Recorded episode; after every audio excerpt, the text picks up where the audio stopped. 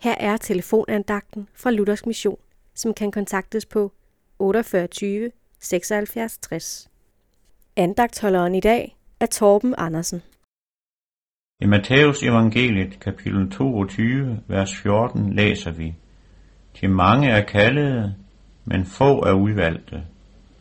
Har Gud bestemt, hvem han vil frelse, og hvem han lader gå fortabt? Kan Gud, som er kærlig, i det hele taget lade nogen gå fortabt?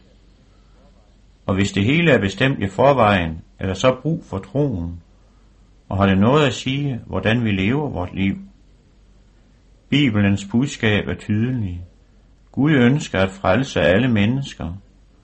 Derfor lod han sin søn dø for hvert eneste menneske. Vi læser i 1. Johannes' brev, kapitel 2, vers 2 om Jesus. Han er et sonoffer for vores sønder, og ikke blot for vores sønder, men for hele verdens sønder. Modsiger Bibelen sig selv.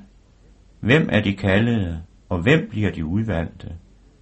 Tænk på et enkelt billede fra livet, der bliver indbudt til fest.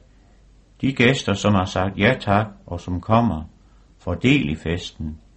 De gæster, der ikke kommer, ja, de går selv sagt glip af festen. Gud indbyder alle til sin fest i himlen. Alle de, der tager imod indbydelsen og efterfølger den, bliver de udvalgte. Med andre ord, alle som ikke forkaster Guds nådes tilbud, men personligt tager imod hans søn som frelser, får del i den himmelske fest. Gud sætter alt ind på at få netop dig med. Han vil din frelse. Hvad vil du gøre med Guds indbydelse? Amen.